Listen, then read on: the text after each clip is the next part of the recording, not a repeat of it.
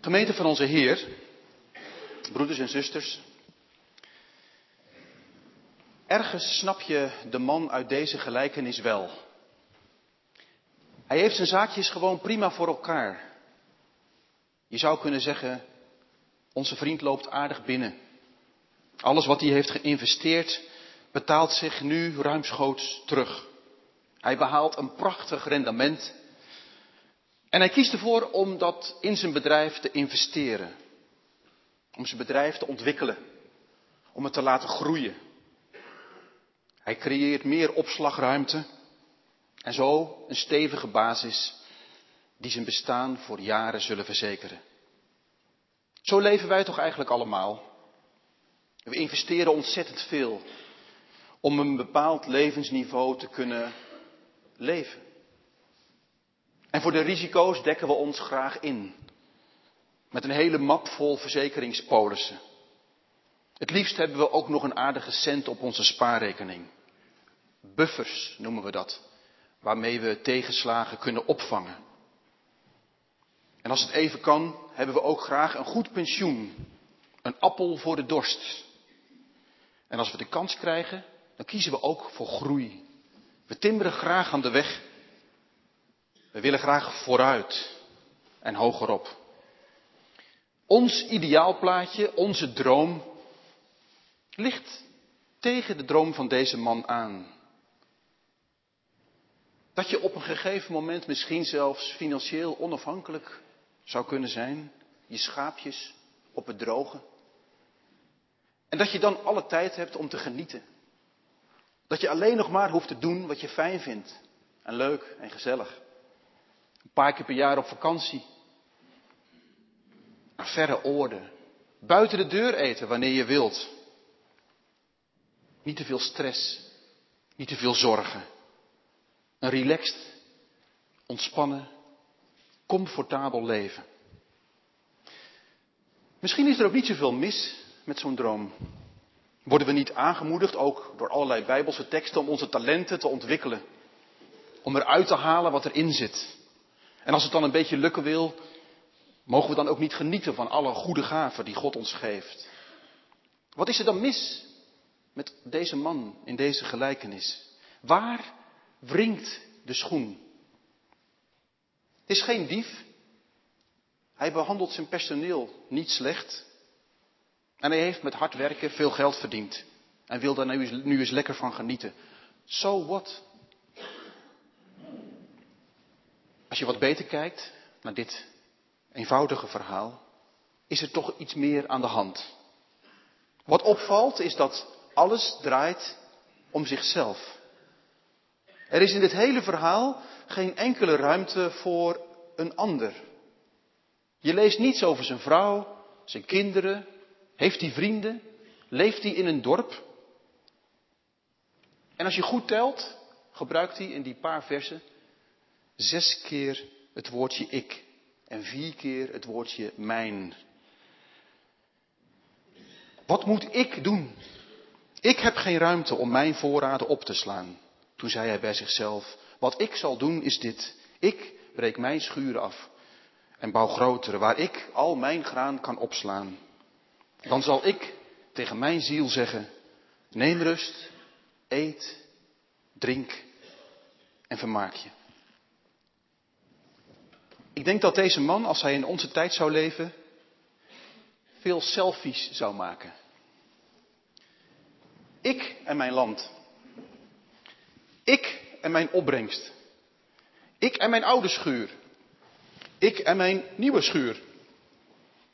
Ik en mijn voorraden. Ik en mijn vermaak. Ik op vakantie. Ik en mijn leven. Jij dwaas, zegt God. Vannacht zal je leven van je worden afgenomen en teruggevraagd. En voor wie zijn dan de schatten die jij hebt verzameld? Jij dwaas. Wist je niet dat je leven kort is en niet van jezelf? Jij dwaas. Weet je dan niet dat het in dit leven, dit korte leven dat jij mag leiden, niet gaat om wat je hebt, maar om wie je bent? En niet om wat je bezit, maar om wat je hebt gegeven. Jij dwaas, met je voorraden, buffers en tegoeden. Ben je ook rijk bij God? Als jij vannacht sterven moet, waar val jij dan op terug? Is het dan een hand die je draagt? Is het dan een stem die je troost? Is het dan een woord dat met je meegaat? Het dwaze van deze man is dit. Hij heeft zich ingebeeld dat hij alles in zijn eigen hand heeft. Ook zijn eigen leven. En dat daar geen eind aan komt. Hij doet wat iedere dwaas doet.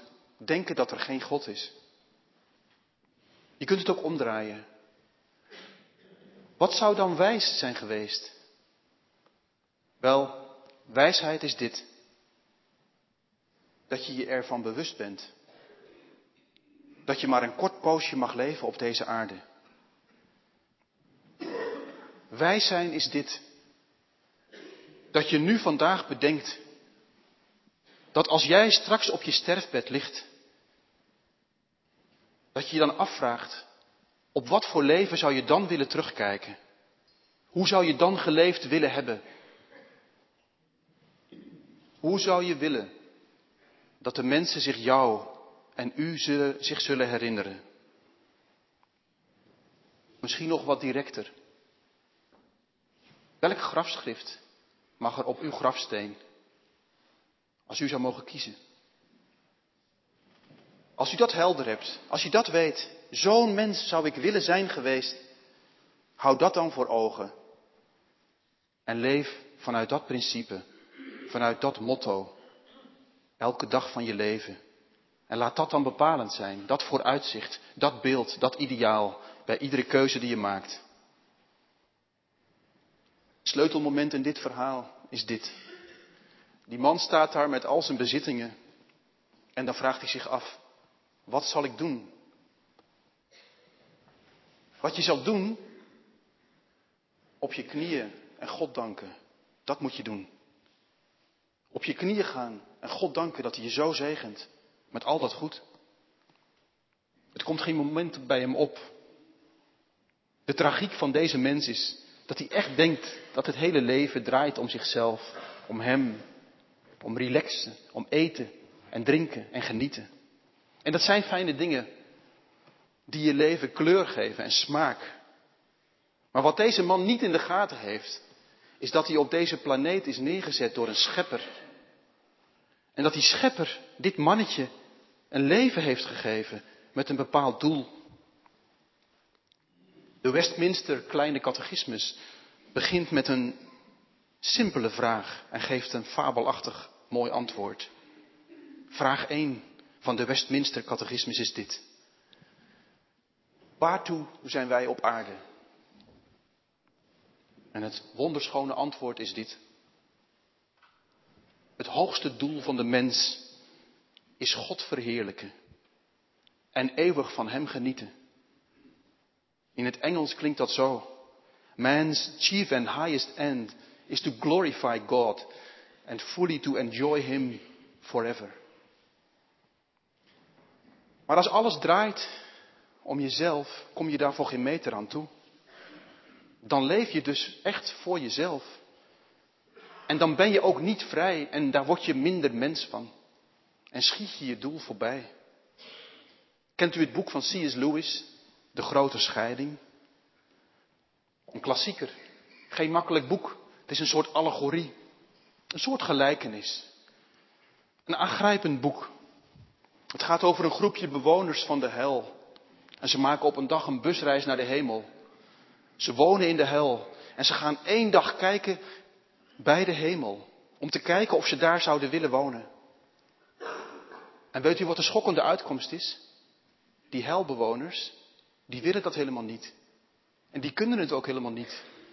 Want zij hebben een leven lang op een bepaalde manier geleefd en kunnen in die andere werkelijkheid helemaal niet uit de voeten. Aangrijpend is dat. Dat je een leven lang allerlei kleine beslissingen maakt in een bepaalde richting en dat je zo wordt wie je bent. En dan gebeurt er iets wonderbaarlijk moois. Lewis beschrijft dat er een mens rondloopt die geregeerd wordt door wellust en begeerte. Hij loopt daar in het voorportaal van de hemel. En het is niet meer dan een schim. En op zijn schouder zit een hagedis. Die hagedis is het beeld van de begeerte. Die hem steeds van alles in zijn oor verluistert. Op een gegeven moment ontmoet deze schim een engel. En de engel vraagt, mag ik die hagedis op je schouder doden? De man stribbelt tegen. Hij is gehecht aan dat ding op zijn schouder. Uiteindelijk stemt hij toe. En op het moment dat die hagedis wordt gedood, verandert deze man van een schim in een prachtig, mooi, volgroeid mens. En de hagedis in een groot paard. En op dat paard gaat deze mooie mens er een vliegende galop vandoor naar het paleis van de grote koning in de hemelse gewesten. Wat hier gebeurt, geeft precies de kern aan. Als God je grootste passie is, als Christus je grootste schat is, dan word je een prachtig mooi mens. De mens die Hij bedoeld heeft. De reden waarom Hij jou en u op aarde heeft gezet. En dan worden ook je verlangens, je diepste verlangens vervuld. Misschien op hele andere manieren dan je je had voorgesteld. Maar ze geven je leven richting en kracht en focus. Wij mensen, wij zijn gemaakt om in relatie met God te leven. Met onze schepper. Wij zijn ervoor bedoeld om rijk te zijn in God. Onze bestemming is om te leven coram deo, voor Gods aangezicht. Vanuit het besef dat alles wat ik heb en alles wat ik ben en alles wat ik kan en alles wat ik doe van Hem is en voor Hem uit Zijn hand ontvangen. We hebben het een poosje te leen en we klampen ons er dus niet aan vast. Maar we bezitten al die dingen op de open palm van een hand. En geven het terug als God het vraagt. En delen ervan met een ruimhartig hart. Want onze ware rijkdom, onze grootste schat, is God zelf die ons zo lief heeft dat Hij daarvoor de hoogste prijs betaalde. Zijn kostbaar bloed, zijn eigen zoon. Deze man is bevangen door hebzucht. Nou kennen we elkaar inmiddels een beetje beter. En laten we het maar gewoon eerlijk zeggen. Dat u en ik en jij eigenlijk allemaal zo'n hart hebben. Waarvan alles in borrelt en gist. De donkerste verlangens. Onze verborgen begeerten. Duistere fantasieën. Er is iets in ons hart wat nooit genoeg heeft. Wat altijd meer wil. En dan precies dat wat eigenlijk van de ander is. Om wanhopig van te worden. Dat hart van ons. Wat een donker ding. Vol lusten. Vol driften. En hoe win je het daar dan van? Ik hoorde eens een verhaal. Het is me mijn leven lang bijgebleven. Het is een verhaal over een piloot. En die vloog in zo'n oud vliegtuig. Zo van die eerste generatie vliegtuigen met weinig techniek aan boord. En ineens zag die piloot vanuit zijn ooghoek dat er in de cockpit, in de cockpit een rat zat. En die rat begon te knagen aan de kabels van zijn vliegtuig. De piloot die zat in een duivels dilemma. Als hij die rat zijn gang zou laten gaan, dan zou het vliegtuig al snel onbestuurbaar worden. Maar achter die rat aangaan, dan zou hij de stuurknuppel los moeten laten met desastreuze gevolgen. Wat te doen? En ineens wist hij het, in een flits. En hij liet zijn vliegtuig hoger stijgen en hoger stijgen. En hij bracht het tot de allerhoogste hoogte die hij kon bereiken. En wat er gebeurde is dit. Die rat kreeg ademnood, gebrek aan zuurstof werd trager en trager tot hij stikte. En het gevaar was geweken. Beste vrienden, laten we niet geobsedeerd zijn door onze duistere kanten. Die zullen er altijd zijn in ons leven. En je kan er, als je je daarmee bezighoudt, kan het een obsessie voor je worden. Ik stel voor om van deze piloot te leren en ons uit te strekken naar een leven op een hoger plan. Een hoger plan. Dicht bij God. In het licht van Christus. En het goede nieuws is dit. Dat niveau hoeven we niet zelf te bereiken, al klapwiekend. Niet door kracht, niet door geweld, zegt de Heer, maar door mijn geest zal het geschieden. Laten we doen zoals de vogels dat doen. Van die zwevende roofvogels, laten we dat doen. Ons laten meenemen op de thermiek, gebruikmakend van de wind van de geest. Ons laten meevoeren tot een zuiverder, transparanter leven. Ontspannen, vertrouwend, zuiver en vrij. Vrij. Vrij om te genieten van alle goeds wat God je geeft. Maar ook vrij om daarvan te delen als mensen je pad kruisen die het nodig hebben. Want het is niet van ons. Alles is van God. Hem zij de eer en de glorie van nu tot in eeuwigheid. Halleluja. Amen.